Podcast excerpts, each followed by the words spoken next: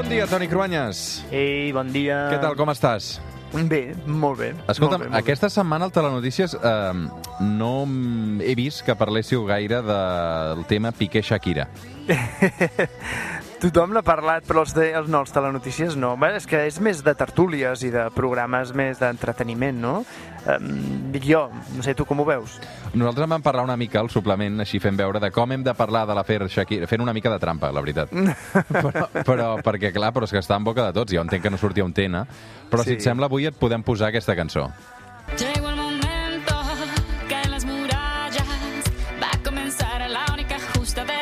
Amb el Toni Cruanyes sempre agafem una qüestió d'actualitat, li donem una perspectiva històrica. Avui no farem ben bé la història de Shakira, però sí de, del país de- d'on és origen Shakira, no? Sí, sí, a veure, ja parlarem de la Shakira, eh? Prometo que acabarem parlant de la Shakira, però eh, per saber el perquè de l'èxit mundial de la Shakira, primer explicarem una mica la història de Colòmbia. D'això aquí els mitjans de comunicació no n'han parlat tant, però la setmana que ve hi ha la segona volta d'unes eleccions presidencials a Colòmbia que tot pinta que es poden considerar històriques. ¿Quién puede considerar que el cambio real consiste en tener centenares de miles de familias esclavizadas pagando créditos hipotecarios? Aquest és eh, Gustavo Petro, el candidat favorit per convertir-se en el nou president de Colòmbia.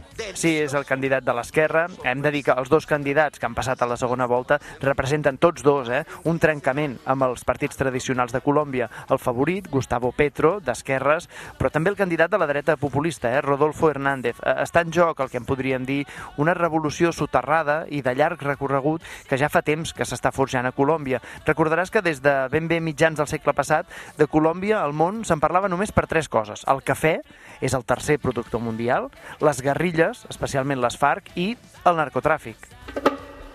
De fet, Pablo Escobar i el tràfic de cocaïna, malauradament, han estat eh, marca associada a Colòmbia mm, des de fa una pila d'anys. Mm, el llaç del narcotràfic, que tenia més poder dins del país que el mateix govern o que l'exèrcit, ha podrit una societat que, com moltes de les llatinoamericanes, partien d'unes grans desigualtats. Des dels temps colonials espanyols, per no anar encara més enllà, Colòmbia ha estat un país fèrriament dominat i organitzat per la classe dirigent de blancs espanyols i després dels mestissos criolls. De fet, tant és així que es diu que el nom del país Colòmbia és un homenatge a Cristòfor Colom. Sí, tot i que el conquistador no, no va posar-hi mai el peu. La colònia anomenada inicialment Nou Regne de Granada cobria les actuals Colòmbia, Venezuela, Equador i Panamà.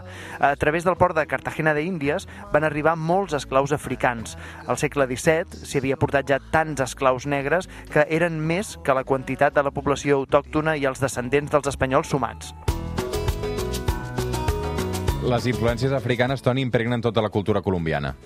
Des de l'estil de música fins al realisme màgic, que també sabia plasmar Gabriel García Márquez a les seves novel·les del segle passat, tot, tot té una cosa mig africana, no? La presència d'aquests esclaus marca moltíssim el caràcter del país. I curiosament en dues direccions molt diferents. La cultural, que ja deies ara Roger i que de seguida hi anirem, però també el tipus de societat des del punt de vista econòmic i d'organització de classes. Per una banda, Simón Bolívar va trobar en Venezuela i Colòmbia terreny adobat per la independència respecte d'Espanya, perquè les classes dirigents eren prou riques com per sentir-se poderoses i després negar-se a pagar els impostos a Madrid. Una riquesa que venia eh, sobretot del, del comerç del cafè. Sí, un comerç que havia sentat un país amb unes elites poderoses i a la vegada amb uns valors molt estrictes, conservadors. L'Església Catòlica ha tingut a la història de Colòmbia un paper fonamental. Tot això va facilitar, va justificar l'explotació de les classes populars fins ben entrat al segle XX. De fet, com que el sistema polític aparentment democràtic era tan compacte, l'esquerra, que va créixer la resta del món a l'entorn dels partits comunistes, a Colòmbia es va veure obligada a fer la seva lluita per la via de les guerrilles. I això va ser durant bona part del segle de facto del segle passat, Colòmbia va viure dividida eh, entre zones dominades pel govern, sempre conservador o liberal, o les zones controlades per les guerrilles, és a dir, hi havia una guerra civil, una divisió claríssima dins del país. La més coneguda de les guerrilles, les FARC, això va va fer que durant dècades es visqués, doncs això, en una mena de guerra civil permanent, amb molta violència, adobada també pel fenomen del narcotràfic. Sin redes, sin prensa, la cosa tensa. Pope con trenza, con Maxi bajo el brazo. Mucha gente nos tildaba de payaso. Això és una cançó de J Balvin que explica la seva infància enmig de la violència als carrers de Colòmbia en una societat molt conservadora i molt religiosa.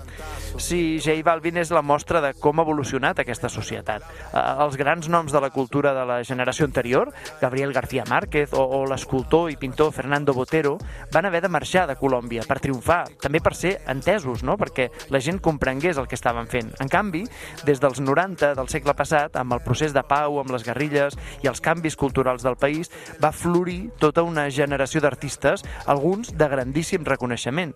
Possiblement de tots, la que més ho va patar, i això ja fa una dècada, va ser Shakira. El seu moment àlgid, ho hem sentit abans amb la cançó del Waka Waka, va ser el Mundial de Futbol del 2010. Però també hi ha els antecedents de Carlos Vives, amb sis Grammys llatins, o Juanes, en la, en la cançó superconeguda de la camisa negra. Tengo la camisa negra Home, mítica. Puja, puja. Yo por ti perdí cama. Aquesta cançó també té ressonàncies africanes, representa, no? És una evolució del vallenato, la bachata i altres estils que ens han portat al triomf avui de J Balvin, que sentíem fa uns moments, però també de Maluma i, a veure, un dels hits d'aquest any, el de Sebastián Yatra amb els seus tacones rojos. Mi pedazo de sol,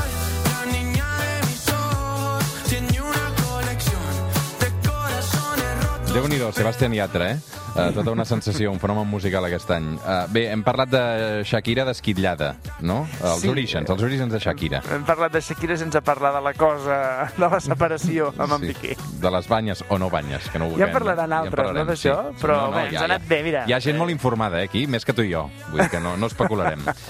Toni, bon diumenge. Vinga, bon diumenge.